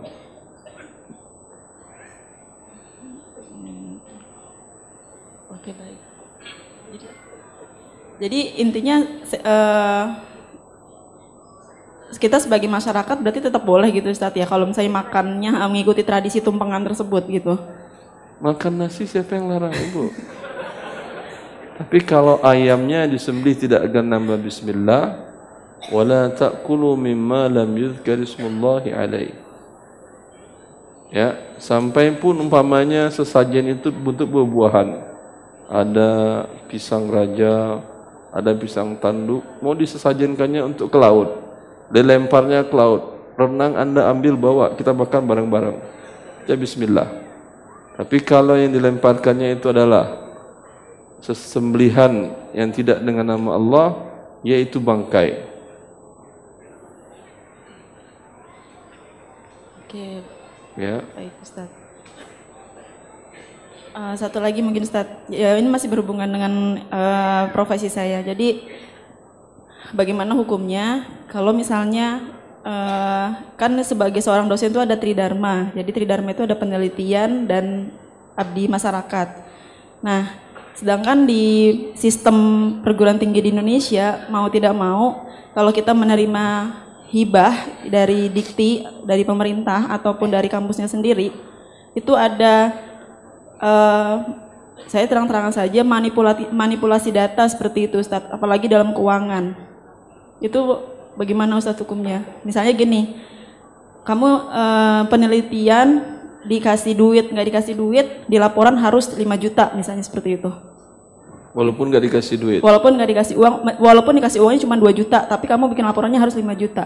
Katakanlah itu uangmu sendiri. Anda mau? Saya tidak mau makanya tapi Ya, ini adalah sistem kalau gitu, tidak Pak. mau. Kalau tidak, kalau anda mau ya berdosa dikasih 2 juta, tulis 5 juta. Baik, baik Ustaz. Ya Jazakallah Allah, khair. baik, Ibu. Assalamualaikum warahmatullahi wabarakatuh. Assalamualaikum warahmatullahi wabarakatuh. Semoga Allah Subhanahu wa taala merahmati Ustaz dan seluruh Kencangin suaranya dikit, dekatkan ke mic atau Ustadz, beberapa tahun yang lalu saya mendaftar eh, sebuah kartu member Gramedia. kurang jelas kartu Member Gramedia. mana member kartu sebuah bisa- toko buku. Iya, sebuah toko buku. Ya. Terus Yang mana di kartu tersebut bisa digunakan untuk berbagai pembayaran seperti dan ada diskonnya. seperti bukan eh, pembayaran lain seperti KRL, kemudian e-tol dan salah satu benefitnya adalah eh, diskon untuk eh, pembelian buku terbitan toko tersebut. Ya. Waktu membuatnya ada biaya. Ada biaya Biayanya berapa? lima puluh ribu Ustaz. Hah? Lima puluh ribu. Kalau kartunya, harga kartunya berapa harga kartunya? Kalau kita bikin kartu debit, itu pengga- harga penggantian kartunya berapa? Hah? 10. 10. Berarti ada dapat keuntungan dia 40 ribu. Ya. 40 ribu ini ditukar dengan sesuatu diskon maka dia menjadi unsurnya riba dia mengandung juga goror karena kemungkinan ha- habis berlaku kartunya diskonnya nggak didapatkannya karena bukan barang bu- yang buku yang dibutuhkannya yang didiskon Saya sudah beberapa tahun ini menggunakan kartu tersebut Ustaz. Eh, pertanyaan saya, bagaimana cara membersihkan uang yang eh, tidak halal tersebut Ustaz? gunakan untuk yang tidak ada diskon tapi bisa tadi KRL kan ya kalau pakai KRL ada diskon atau tidak dia Tidak ada Ustaz. ya udah pakai pakai untuk itu Kalau uang yang sudah terpakai itu Ustaz, yang sudah diskon ya yang sudah ada diskon, diskonnya selisihnya tadi berikan kepada fakir miskin sejumlah selisihnya. eh, saya tidak hafal berapa buku yang sudah saya beli Ustaz. Perkiraan berapa? Kurang tahu Ustaz, nanti saya cek lagi. Ya cek lagi nanti. Siap. Dapat angkanya nanti sampaikan ke saya. Allah khair Ustaz. Allah salim.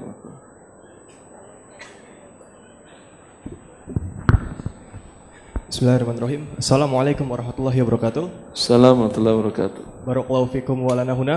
Allah barik fiik. Uh, Ustaz, saya mau bertanya. Sebelumnya saya menjelaskan dulu. Uh, saya seorang kader di perusahaan percetakan dari percetakan ayah saya. Kemudian uh, selanjutnya di situ mencetak sebuah banner atau spanduk yang ada gambar-gambar uh, seperti yang Ustaz jelaskan sebelumnya bahwasannya itu haram. Enggak, sebentar. Ini gambar buat dipajang atau bukan? Iya, spanduk dan banner untuk dipajang di tempat umum Ustaz. Ya, berarti itu dipajang. Ya. Terus? Eh, terus pertanyaannya adalah kalau misalkan eh, apa namanya makhluk hidup itu diganti dengan macam misalkan kayak robot atau benda mati yang seperti makhluk hidup, contoh kayak robot itu Ustaz, bagaimana hukumnya Ustaz? Dan di satu sisi Yang order mau fotonya diganti jadi robot. Eh, iya Pak, di, di satu sisi, di satu sisi juga saya juga seorang desainer, jadi saya bisa menawarkan kepada klien saya bahwasannya lebih baik seperti ini gitu. Kalau Ya, misalkan menggunakan gambar Ubah atau mukamu haram. jadi muka robot gitu ya. Kalau dia mau bagus, tidak apa-apa. Gitu. Dan eh, berarti kalau misalkan menggunakan eh, media robot seperti Atau itu minta ke boleh? dia daripada robot, mending di blur mukamu jadi robot tak berbentuk. berbentuk. kan lebih infrared matanya lebih cakep gitu. Berarti Tat, kalau misalkan kayak contoh restoran makan gitu Tat. Nah, terus habis itu ada ayam atau binatang-binatang kayak gitu itu kan termasuk makhluk hidup Tat. Apakah di blur juga atau gimana Tat? Ayam. Ayam Anda rumah makan kepalanya dilihatin juga nggak mau makan orang nanti. Dagingnya aja yang diliatin udah. Biasanya Zat, ada Zat yang pesan kayak pecel lele gitu kan ada gambar ayamnya, ada gambar ikan lelenya kayak gitu. Nah itu bagaimana Zat? Apa mesti saya blur juga Zat? Ganti ayamnya kepala robot. Siap Zat. Ya, Anda bilang aja, ayam itu menarik bukan kepalanya, Pak. Dagingnya, bikin dagingnya. Oke, eh, terakhir Zat, saya juga kan mendesain eh, apa namanya kayak kaos-kaos baju gitu Zat. Dan eh, saya menghilangkan unsur eh, yang haram dari gambar-gambar tersebut dengan menggunakan contoh misalkan pakaian astronot gitu kan nggak nggak kelihatan mukanya seperti Zat. Nah itu boleh Zat, saya lakukan seperti itu. Walaupun Astronot kan sudah terblur mukanya itu kan ya? Iya. Ya udah boleh. Boleh. Baik. Dan terakhir saya minta doanya Ya agar- ayam astronot, ikan astronot. Ya. Allah yasir Rafiq. Dan terakhir saya minta doa agar saya bisa menjalankan syariat Allah dengan baik dan benar. Allah. Dan saya bisa menjadi konglomerat dan membantu Islam dan sunnah di jalan harta. Syukran, barakallahu fikum. Assalamualaikum warahmatullahi wabarakatuh. Allah salim. Jangan nunggu konglomerat untuk membela agama Allah. Agama Allah dibela oleh konglomerat juga, dibela juga oleh para fakir miskin. Innama tunsuruna wa turzaquna bidu'afaikum. Kata Rasulullah SAW, kalian dibantu dan diberi rezeki oleh Allah dengan sebab orang-orang fakir dan orang lemah di antara kalian. Terus membela dan membantu agama Allah apa pun status Anda. Jangan sampai menunggu. Allah barik fiik. Assalamualaikum warahmatullahi wabarakatuh. Assalamualaikum warahmatullahi wabarakatuh. Semoga Allah memberkahi Ustadz dan eh, semua kaum muslimin. Ya. Uh, Afwan Ustadz. Ana mau bertanya. Eh, Ana seorang desainer, desainer baju muslim tepatnya. Eh, Ana mendapatkan orderan dari salah satu bank konvensional. Eh, orderan itu berupa baju gamis yang nantinya akan digunakan untuk umroh nasabah bank tersebut. Eh, apakah Ana sebaiknya mengambil proyek tersebut atau ditinggalkan karena sejujurnya agak takut juga karena ini berhubungan dengan bank dan apakah kalau Ana mengambil eh, proyek tersebut eh, uang yang Ana dapatkan itu halal Banknya konvensional, Ibu. konvensional Wallahu taala alam. Ini mas- termasuk dalam tolong menolong untuk membesarkan bank bank konvensional tadi. Ya, nanti bank itu ngomong ke orang-orang tuh lihat tuh, kami syar'i bajunya. Walaupun kami konvensional tapi kami bisa membuat baju syar'i, hijab syar'i untuk orang umrah. Ya, wallahu taala alam. syukran Sebaiknya, jazakallahu Allah khair Ustaz Assalamualaikum warahmatullahi wabarakatuh, Ustaz. Assalamualaikum warahmatullahi wabarakatuh. Ustadz, saya eh, sering menggambar model baju, yang mana model baju itu em, modelnya itu nggak saya blur sebelumnya. Kemudian em, saya juga mau nanya mengenai, Yang pertama apa? Ya saya eh, gambar baju yang mana Ma- model apa baj- baju? menggambar baju Menggambar baju. Ya, Ah. yang mana modelnya itu em, nggak saya blur sebelumnya, Tidak apa? tidak saya blur mukanya, Menggambar baju, menggambar orang. menggambar baju dan saya posting di media sosial. Ada orangnya enggak? Eh, ada orangnya, ada orangnya, ada mukanya dan di foto itu Berarti eh, bukan menggambar baju, menggambar orang dan ada pakai bajunya gitu. oh ya maksud saya saya, Saya eh, pikir Anda mendesain- hanya gambar baju gitu aja, baju tangan dah begitu. Iya, saya mendesain baju dan itu udah jadi, kemudian difoto, di mana foto itu saya update di media sosial dan belum saya blur fotonya. Mukanya tidak di-blur. Eh, eh, wajahnya belum saya blur. Blur kan wajahnya. Heeh. Kemudian eh, saya juga sering ambil foto produk itu ketika eh, saya pergi untuk safar Ustadz. Itu gimana hukumnya ya Tet? Enggak paham saya. Saya sering ambil foto untuk baju saya itu ketika saya pergi, maksudnya eh, untuk model itu baju itu kan sudah jadi dipakai dengan model itu dan saya itu pergi dengan model itu eh, ketika safar jadi fotonya itu nggak nggak di studio Ustadz Eh, dan safarnya itu cuma sesama perempuan itu gimana ya Ustadz ya? Anda safar dengan modal ke suatu tempat. Iya Ustadz. Terus untuk ngapain? Untuk foto baju itu, baju Untuk yang saya bikin itu. Ah. safarnya keluar kota. Ya, Masa jarak safarnya jarak safar berapa kilo? Eh, paling sih ke ke Bandung seperti itu sih Ustadz. Ya, ke Bandung safar itu namanya. Ya, safarnya berdosa tanpa mahram kan ya? Iya Ustadz. Iya, berdosa. Oke Ustadz jazakumullah. Ya Allah fiik. Kenapa juga harus safar untuk hanya sekedar motret itu? Ya, taib. Yang lain. Karena kalau misalkan di da- di maksudnya di Jakarta itu eh, kita kan temanya alam Ustadz. Jadi kayak eh, tema bajunya itu tentang penggunaan warna alam gitu Ustadz. Jadi kayak kalau menggunakan atau di, Di alam itu Jonggol kan juga ada alam. Ngapain harus safar jauh-jauh? Di Bogor juga ada alam, tidak perlu safar Bogor. Sentul juga ada alam. Banyak alam di negeri kita, Alhamdulillah.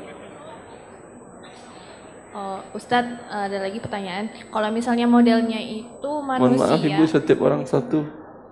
iya masih pertanyaan yang sama Ustadz. Oh, yang sama. Coba jawabannya berarti sama juga kalau misalnya sama. Eh, eh, ada perbedaan, eh, maksudnya masih berkaitan yang sama. Jika Ah. modelnya itu seorang akhwat tapi bisnisnya hijab, apakah boleh juga Ustadz difoto terus di share ke media sosial? Mukanya di blur apa tidak? Enggak. Cuman pakai kayak kacamata aja gitu Ustadz. Suruh dia pakai hijab, pakai nikob, cadar. Kalau pakai niqab berarti boleh meskipun itu Kita seorang akhwat ya. Ustadz ya?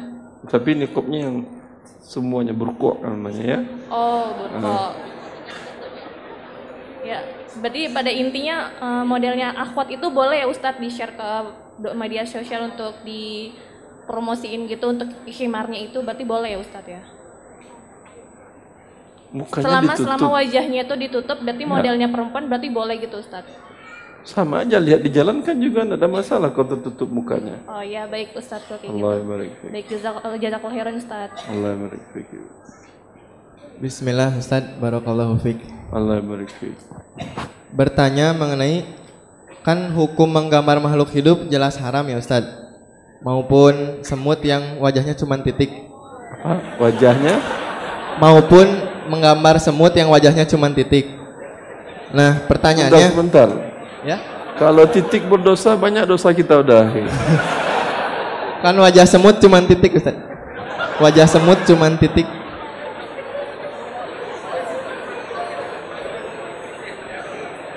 Sebenarnya pertanyaannya ini Ustaz. Sebentar, sebentar. Iya. Kalau foto umpamanya ini difoto dari jarak yang jauh, orang ini semuanya. Seperti yang foto kalau Anda lihat foto di Masjidil Haram, kan ada yang poster besar dipajang itu, itu bisa nggak Anda tentukan ini kakak Anda atau ini adik Anda? Bisa apa tidak? Itu boleh nggak apa-apa. Tapi yang semut tadi ini semut rang-rang atau semut Ya. Sebenarnya pertanyaannya, oh, berarti semut nggak apa-apa Ustaz. Ini pertanyaannya sebenarnya bukan semut sih Ustaz.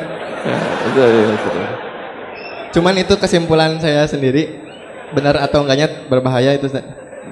Lalu pertanyaannya, apakah eh, jadi menggambar makhluk hidup jelas haram. Lalu apakah sama dengan hukum menonton anime seperti Naruto, Shinchan, Doraemon, Upin Ipin, Nusa dan Rara dan lain-lain? Apakah itu sama dengan hukum yang menggambar? Misal kalaupun ton- nonton yang nonton yang tadi tidak haram karena tidak menggambar, apakah termasuk ta'awun dalam maksiat pembuatan film terus menggambar dan produksi film karena konsumen filmnya ada yang ada sayanya misalkan gitu. Jadi apakah hukum menonton Ini eh, bukan kartun satu makhluk hidup itu dosa ini nggak ya? 25 pertanyaan ini. Coba ulangi lagi pertanyaan pertama.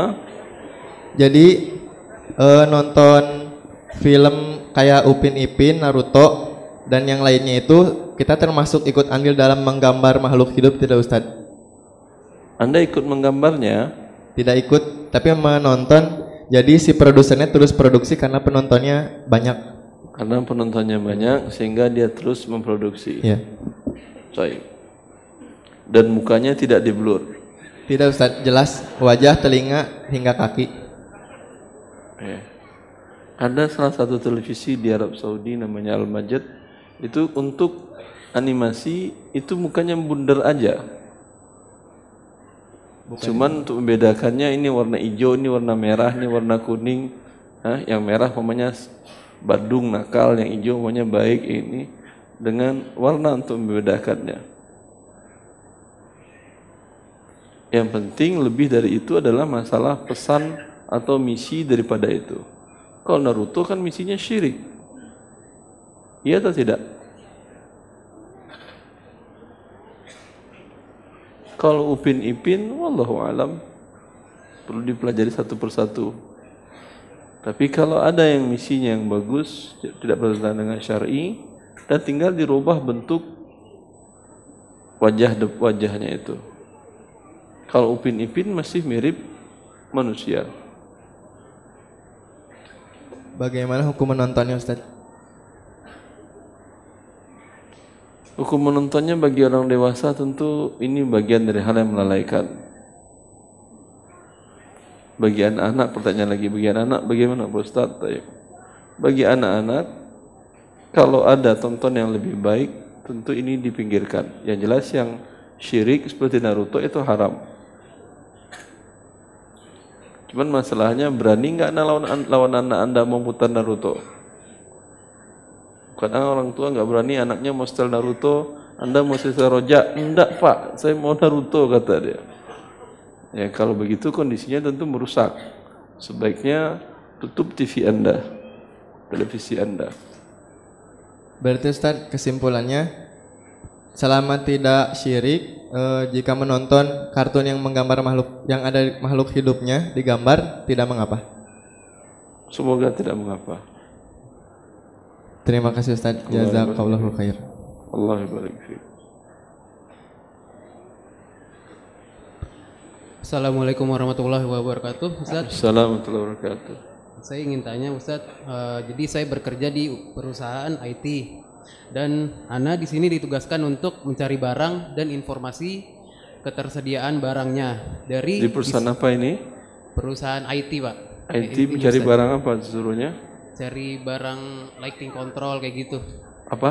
Lighting control. Ah, terus? Nah, nah di situ saya nyari eh, dari distributor resmi, tapi ada juga yang enggak. Nah, eh, ketika itu kalau misalkan ada project eh, setelah sudah deal, ternyata pembayaran mereka itu eh, DP, Ustadz, bukan eh, dan kadang juga ada pelunasan apa langsung lunas gitu. Nah, bagaimana hukumnya saya bekerja di situ sebagai eh, kayak nyari harganya sama ketersediaan barangnya gitu, Ustaz. Anda cari barang sama ketersediaannya. Iya, Barangnya barang halal. halal. Terus apa yang merasa meng- mengganggu Anda? Jadi eh, karena di situ eh, sebelumnya kan kayak hukum pre-order gitu, Ustaz. Pre-order. Ah, tapi ini Yang bertransaksi dengan pihak penjual adalah perusahaan Anda. iya Pre-ordernya dari mana?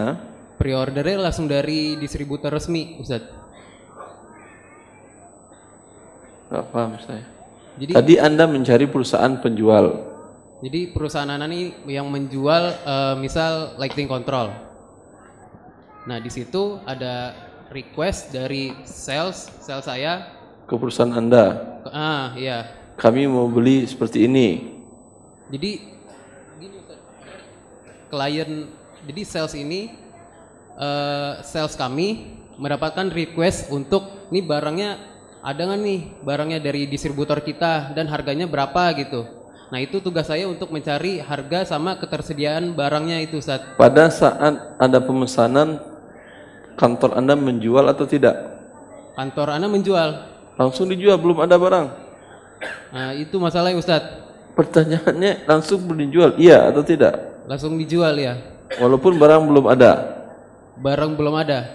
Nah, di situ apa maksudnya? Kal sebentar. Kalau langsung dijual berarti perusahaan Anda berdosa karena menjual barang yang belum dimiliki. Kalau dia mengatakan kepada uh, yang pesan customernya sebentar kami usahakan dahulu. Dulu, iya. Kalau itu pergi dulu perusahaan Anda beli. Setelah perusahaan Anda beli, baru dikonfirmasi lagi dan diterima barangnya dikonfirmasikan kepada konsumen. Jadi beli atau tidak? Jadi kata dia. Iya. Bisa sekarang berakad. Enggak jadi, itu risiko perusahaan Anda. Kalau itu boleh. Oke, ha. Seperti itu sih Ustaz. Seperti yang mana? Yang tadi Ustaz baru bilang. Eh, seperti saya tadi boleh. Ah. Ya alhamdulillah. Walaupun dari apa barangnya inden tapi langsung dari distributor resmi dan dengan DP itu tidak apa-apa Ustaz. Nah, ini gimana bentuknya ini? Tadi seperti itu, sekarang lain lagi. Ini untuk yang kedua lagi. Enggak, Mbak. Yang tadi Ustaz. Datang. Konsumen datang ke perusahaan Anda, kami mau beli lighting seperti ini, ini. Terus? Iya. Siap, tapi kami belum bisa jual, kami pesan dulu gitu. Iya, pesan dulu. Ah. Pada saat itu dia bayar DP. Pada pokoknya Si harganya konsumen udah, tadi bayar DP langsung tidak? konsumen langsung eh, tergantung Ustadz. Kadang kalau misalkan harganya cocok, dia langsung antara DP at- atau enggak cash gitu Ustadz. Jadi itu perusahaan saya perusahaan project Ustadz. Perusahaan Anda ini kan barang belum di tangan dia. Iya. Perusahaan ini anak perusahaan, cabang perusahaan atau perusahaan lain yang dengan produsen? Pokoknya perusahaan saya itu distributor Ustadz. Distributor Iya barang. distribu- distributor Iya. boleh menjualkan barang produsen tanpa harus beli dulu atau harus beli dulu. Kadang ada barang yang ready stock jadi eh, nggak usah beli dulu gitu Ustadz. Bisa dijualkan. Bisa. Nanti bawa ada dulu nanti nanti nanti dibayar bisa. Nah, bisa. Kalau itu boleh dia kalau di pusatnya ada. Oke, ha, ada. Jelas. Berarti boleh Ustaz masih saya gede gitu. Insyaallah. Insyaallah. Mak. Jazakallahu khairan. Allah barik.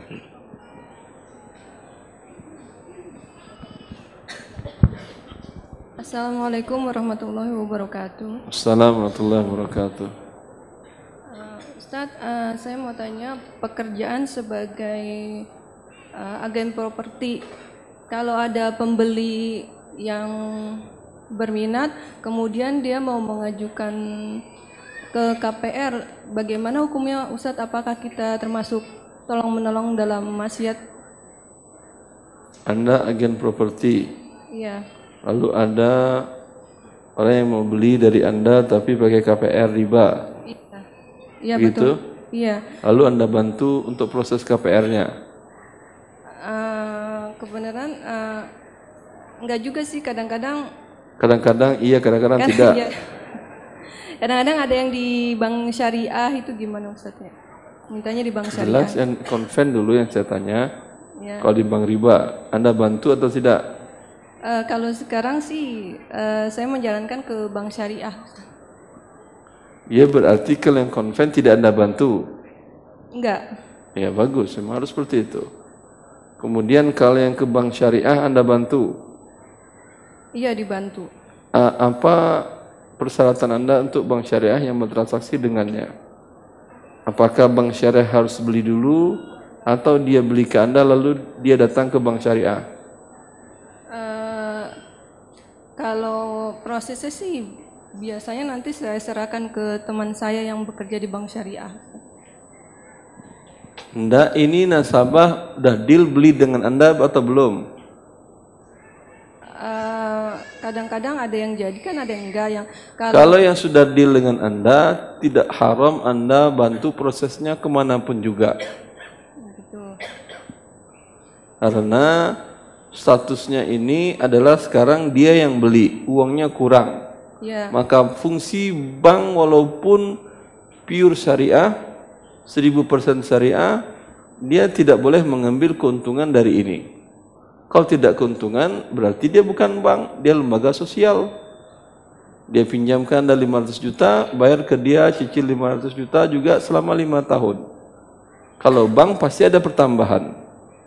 Kalau bank ada pertambahan ini namanya riba. Karena bank tidak pernah beli rumah dan jual rumah. Yang beli adalah nasabah, kemudian nasabah kurang uangnya ditutupin oleh bank syariah tadi. Maka ini adalah riba. Maka Anda katakan kalau dengan bank syariah caranya begini. Anda katakan kepada nasabah, kalau bank konven saya nggak mau bantu sama sekali. Saya urus sendiri dah, nggak masalah kata Nabi. Ya kalau nggak masalah, kalau uangnya udah di tanganmu, bayar, saya jual rumahnya ke kamu. Itu boleh. Kalau yang bank syariah, Anda wajib berhubungan dulu dengan bank syariah. Kami agen properti, banyak kemungkinan konsumen-konsumen kami yang kami akan alihkan ke Anda. Mau nggak Anda bekerja sama dengan kami dengan SOP seperti ini, MOU seperti ini? Bagaimana Ibu maunya tadi? Bila ada nasabah datang ke kami, ya, kami tidak akan berakad dengan konsumen.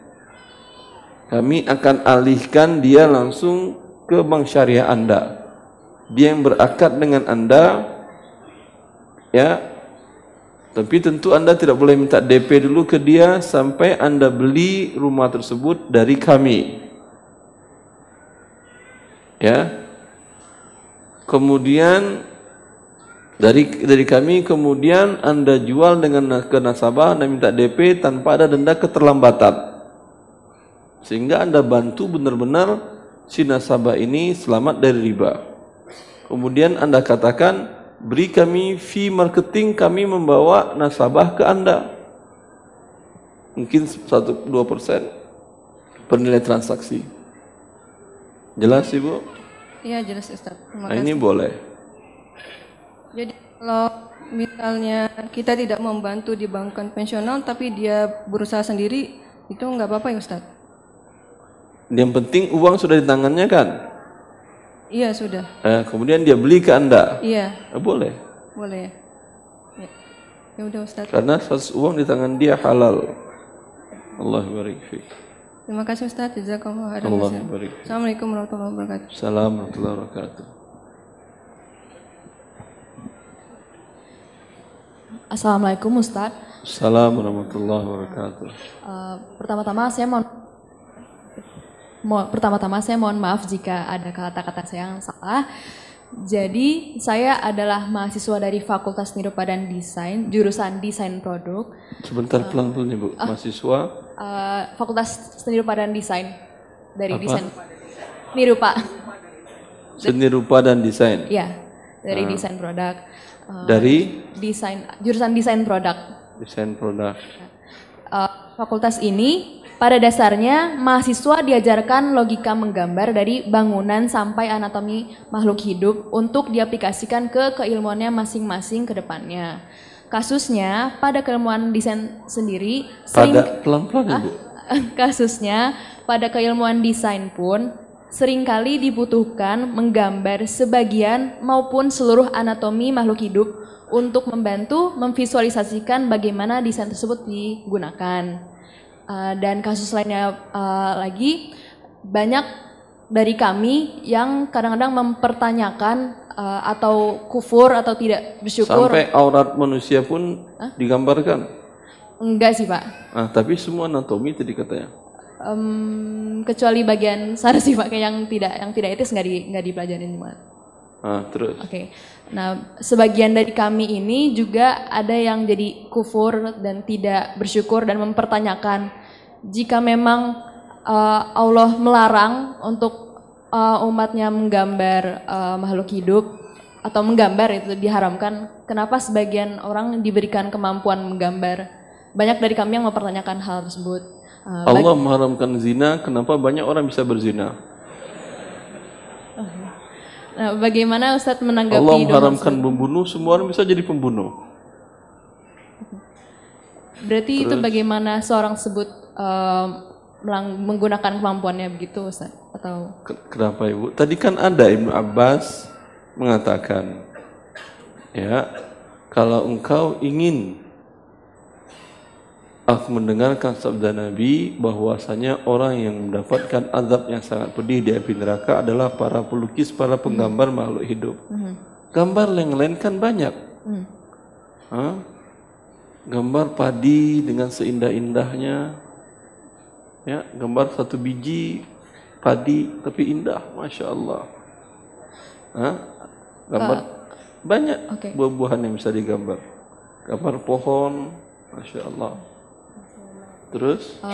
Mis- kalau gitu contohnya mungkin misalnya seseorang mendesain eh, jam eh, mendesain jam tangan gitu untuk eh, eh, untuk inovasi kesehatan dan dibutuhkan jam, tang- ah, sebentar, jam tangan inovasi kesehatan maksudnya apa? ya bisa jadi mungkin eh, pada jam tangan tersebut bisa langsung mendeteksi eh, bagaimana sikon eh, sikon seorang tersebut contohnya seperti itu nah Nggak paham saya. Bagaimana jam tangan mendeteksi sikon itu orang contoh tersebut? saja tuh Ustaz. Hah? Ust- eh, contoh saja contoh Ya contohnya saya nggak paham mau gimana caranya. Kalau nggak paham saya nggak bisa ngomong ibu. Jam Eh. tangan menunjukkan orang ini lagi bangun gitu. em, Jam tangannya bergerak berarti dia bangun. Kalau mati jam tangannya berarti orangnya mati gitu. Atau gimana maksudnya? Iya berarti kalau dia hidup kan jam tangan orangnya hidup. Kalau mati jamnya berarti orang mati. misalnya Taruh aja di luar jam tangan besar-besar. Kalau jam tangannya bergerak, orang di rumahnya masih hidup semuanya. apa Ustaz misalnya seperti ini Ustaz eh, Mati listrik, mati baterainya, berarti udah mati orangnya. ya, Apa mendesain gambar tapi Iya. dengan tangan juga Ustadz apakah itu boleh atau tidak gitu Asal bukan manusia dan hewan, boleh. Kan begitu saya- dikatakan oleh Ibn Abbas tadi. Ketika orang itu mengatakan, aku dengan ini mencari rezeki. Kata Ibn Abbas banyak yang boleh. Yo, jadi gambar tangannya gambar aja itu mobil, gambar gambar tadi beras satu biji jadi cakep. jadi kalau untuk menggambar tangannya juga nggak boleh Ustadz ya untuk sebagai bentuk desain gambar eh, desain jamnya itu terus ada Desain gambar apa? desain jam lalu ada gambar tangannya juga Ustadz Di Kayak jam gitu. itu ada tangan. iya di jam di jam tangannya itu ada Tangan nggak ada masalah. oh baik Ya nggak boleh wajah. wajah ya Ya. Eh, Di jamnya ada wajah tidak boleh. Oke, sudah cukup jelas Ustaz. Terima kasih banyak. Jazakumullah. Allah barik fiik. Bisa didesain kalau anda seni rupa. Di masa Umar bin Aziz ada gandum ditulis di sana tulisan. Berarti gandumnya agak besar. Hadza ma nabata fi zamanil adl. Panjang kan ya? Bisa tulis di gandum berarti kan tingkat ketelitiannya tinggi. Coba bisa antum tulis perkataan itu di satu beras. Hadza ma nabata fi zamanil adl. Hadza dua huruf, tiga huruf. Ma dua huruf, udah berapa? Lima. Nabatan tiga huruf, udah berapa? Delapan. Fi dua huruf, berapa? Sepuluh. Zamanul tiga. Al-adal lima. Berapa huruf semuanya? 18 huruf di satu biji gandum. Itu kalau mau dijual berapa mau beli anda? Hah? Tulisan 18 huruf bisa dibaca di atas satu gandum. Itu yang nilai seni tinggi dan mahal. Baik Ustaz, jazakallah Allah khairan. Assalamualaikum Ustaz. Assalamualaikum. Ustaz mau tanya eh, apa hukum eh, mencari maisa dengan cara membuat game untuk anak-anak? Kurang jelas apa? Bagaimana hukum mencari maisa mata pencarian? Mencari pencarian. eh, dengan membuat game untuk anak-anak? Membuat game untuk anak-anak. Ya, tanpa ada musik atau makhluk gambar makhluk hidup. Eh, iya seperti itu. Gamenya di di smartphone misalkan di smartphone tanpa ada makhluk hidup. tanpa ada makhluk hidup Tanpa ada musik. Iya. Ah. Gamenya mendidik atau tidak? Eh, ada yang buat motorik anak misalkan untuk eh, selarasi tiga gambar kayak buah-buahan gitu. Terus juga ada yang game misalkan Hukum asalnya namanya anak-anak boleh dia melakukan bermain. Tetapi tentu bermain yang ada nilai edukasinya, pendidikannya. Ya, ada yang Kalau dia merusak nilainya malah tidak boleh. Kalau nilai merusak itu maksudnya gimana Ustaz? Apa? Apa Afwan nggak kedengeran kalau yang tidak boleh itu yang seperti apa? Ini pernyataannya terlalu umum. Kalau teknisnya tentu lihatlah hasil Anda dulu, dilihat satu persatu. Baik, Ustaz. Ya. Kalau- Kalau Anda tanyakan, diskusikan kepada ahli edukasi, ahli pendidikan, ini mendidik nggak atau apa yang dikembangkan dari game ini? Atau nalar yang dikembangkan, atau motorik atau apa? Hmm. Kalau dia mengatakan secara ilmu pendidikan atau psikologi pendidikan ini mendukung, Hmm. hukum asalnya boleh. Baik, Ustaz. Syukran jazakallah. Allah barik. Assalamualaikum Ustaz. Assalamualaikum warahmatullahi Kebetulan eh, profesi saya sebagai seorang dosen desain, Dosen desain. desain komunikasi visual. Komunikasi visual tadi. Ya seperti desain grafis. Ah, desain grafis. Betul. Dan kami juga menyadari beberapa dari kami menyadari bahwa menggambar itu memang tidak boleh. Tapi ada yang kita ajarkan ada beberapa gaya gambar, Ustadz. Ada beberapa Gaya gambar. gaya. Gaya gambar. Maksudnya apa gaya Jadi gambar? seperti ini. Yang pertama ada empat sih. Yang pertama gestalt. Gestalt itu eh, jadi tidak menggambar secara langsung, tapi dengan cara misalkan seperti ini. Saya menggambar bunga, tapi bunga itu saya susun banyak sehingga membentuk siluet wajah Michael Jackson misalkan. Apakah itu masih diperbolehkan? Yang kedua, Orang tahu sekarang dia bunga atau Michael Jackson. jadi foto Michael Jackson tapi ketika kita lihat lebih dekat, oh ternyata itu susunan bunga gitu.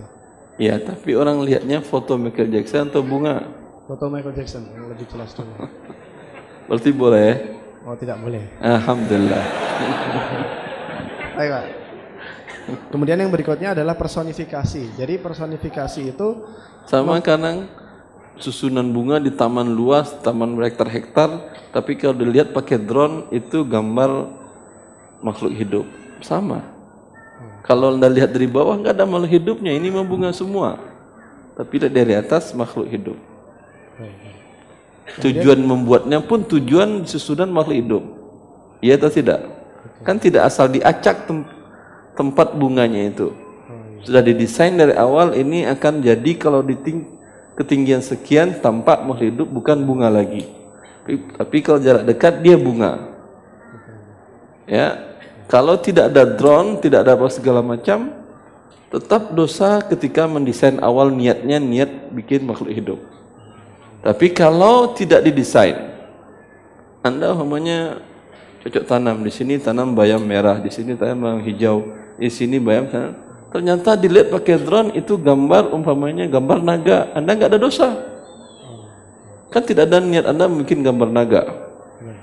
Paham? Anda hanya tanam bayam merah, bayam hijau, singkong, apalagi tahu muncul naga. Itu salah naganya kenapa dia muncul kan Anda nggak desain. Paham? Iya. Tapi kalau yang ini kan memang niat Anda adalah Buat foto. menggambar makhluk hidup. Iya. Kemudian Anda masukkan bunga untuk mengelabui orang. Kalau Allah kan nggak bisa ditipu. Kalau orang mungkin bisa ditipu. Terus Baik. Gaya gambar berikutnya adalah personifikasi. Jadi memanusiakan suatu objek. Jadi misalkan eh, contoh nyatanya itu seperti maskot Ustadz. Jadi kita kita punya ada kar- kardus box, kemudian kita kasih mata, kita kasih mulut, kita kasih tangan sehingga menyerupai manusia. ya memang itu manusia. Manusia kardus. Seperti durian tinggal dikasih kaki garis gitu sama kasih mata. Yang penting dari manusia itu adalah bagian mukanya. Kalau tadi memang manusia di blur mukanya kan boleh. Kebalikannya, kardus dikasih mata, dikasih hidung, dikasih gigi, ha? dia jadi manusia dia udah manusia kardus. Iya, baik. Oh. Betul Ustaz. Baik. Kemudian berikutnya deformasi itu memanipulasi, memanipulasi. Biasanya beberapa teman yang memang sudah paham akan gambar nggak boleh, mereka memanipulasi gambar seperti misalkan mereka membuat komik edukasi komik Islami. Mereka Apa? komik Islami. mereka Komik membuat Islami. komik Islami karena paham gambar manusia tidak boleh, mereka apa membuat manusia tapi dengan leher yang terpotong. Ya. Kemudian atau membuat gambar manusia tapi dengan siluet Siluet itu apa? siluet itu cuman gelap aja gitu. Jadi Bayangan. Seperti bayangan. Kalau bayangan seperti yang tadi saya katakan, foto orang di Masjidil Haram dengan jarak ketinggian sekian itu tidak bisa dibedakan mana yang saudara saya, mana tetangga saya, mana yang teman kuliah saya. Walaupun mereka ada di situ. Oke, Kalau leher dipotong tapi wajahnya kelihatan. Enggak perlu leher dipotong, enggak perlu di wajah. Karena ini tidak jelas dia manusia atau tidak, ini hanya bayangan. Oh, oke. Baik. Terus dengan cara satunya tadi Ustaz menggambar manusia tapi membuat kepalanya itu melayang dengan dengan dalih bahwa kan nggak ada manusia yang kepalanya lepas seperti itu. Jadi itu bukan manusia sebenarnya. Tapi ada matanya sama muka. Sebagian para ulama mengatakan begitu dengan dipisah antara badan dengan kepalanya. Tapi Allah alam menurut saya lebih aslam lebih baik diblur saja wajahnya. Oke. Baik. Sehingga Kemudian seperti kotak kardus lagi mukanya. Oh. Heeh. Baik. Terus yang terakhir itu adalah simbol, Ustaz. Simbol? Sim- simbol, iya. Ah. Jadi eh, jadi dengan dengan simbol itu sebenarnya seperti logonya WWF atau Apa? eh, atau de- dengan simbol itu sebenarnya kita tidak menggambar makhluk itu tapi dengan membuat kotak-kotak atau lingkaran seperti logonya kacang dua kelinci, mohon maaf. Jadi kacang dua kelinci sebenarnya kan tidak menggambar kelinci tapi tapi Kacang dikumpulkan jadi bentuk kelinci gitu maksudnya Oh, apa? bukan. Seperti mohon maaf nyebut merek, logonya kacang dua kelinci. Itu dalam logo kacang dua kelinci itu tidak ter- itu bu- kita tahu itu mereka tidak sedang menggambar kelinci tapi kita tahu itu bentuknya menyerupai kelinci Bentuk apanya? Dan dan tidak sempurna cuman cuman ada kepala Wajahnya tidak ada, muka kelinci tidak ada. Iya, tapi kita Tidak tahu- ada hidungnya. Tidak ada. Itu ada matanya. Iya ada matanya kayak itu. Berarti meskipun kita menggambar satu objek yang Yang di blur itu nggak kelihatan matanya segala macamnya. itu sebenarnya tidak lengkap objeknya tapi kita tahu bahwa itu kelinci. Kita tahu bahwa gambar ini sebenarnya dimaksudkan menggambar sapi. Iya, sama tadi dengan orang di blur mukanya itu orang atau patung. Kan orang, tapi di blur. Oke. Baik. Ya. Ya. Kalau terakhir boleh putus hukumnya menggambar Oh, ini robot. tadi cuma satu, ini Oh, udah iya. banyak banget. Tapi penting memang sih seperti yang anda sampaikan tadi, sehingga nanti menjadi desain apalagi ilmu komunikasi visual design syariah. Tapi panjang ini ya, bukan majelis singkat insyaallah taala. Sudah tak, Ustaz? Ustaz. Cukup. Selesai. Cukup. Ya. Alhamdulillah ini menunjukkan ghirah antum semua untuk taat kepada Allah. Memang perintah dan larangan Allah siapa pun apa pun status kita sami'na wa ta'na kita dengar dan kita taati. Maka semoga Allah Azza wa Jal menjadikan kita orang yang taat kepadanya bukan orang yang mengelabuikan syariatnya untuk menipu orang lain. Wallahu taala alam wa sallallahu nabiyina Muhammad wa alihi wa wasallam. Assalamualaikum warahmatullahi wabarakatuh.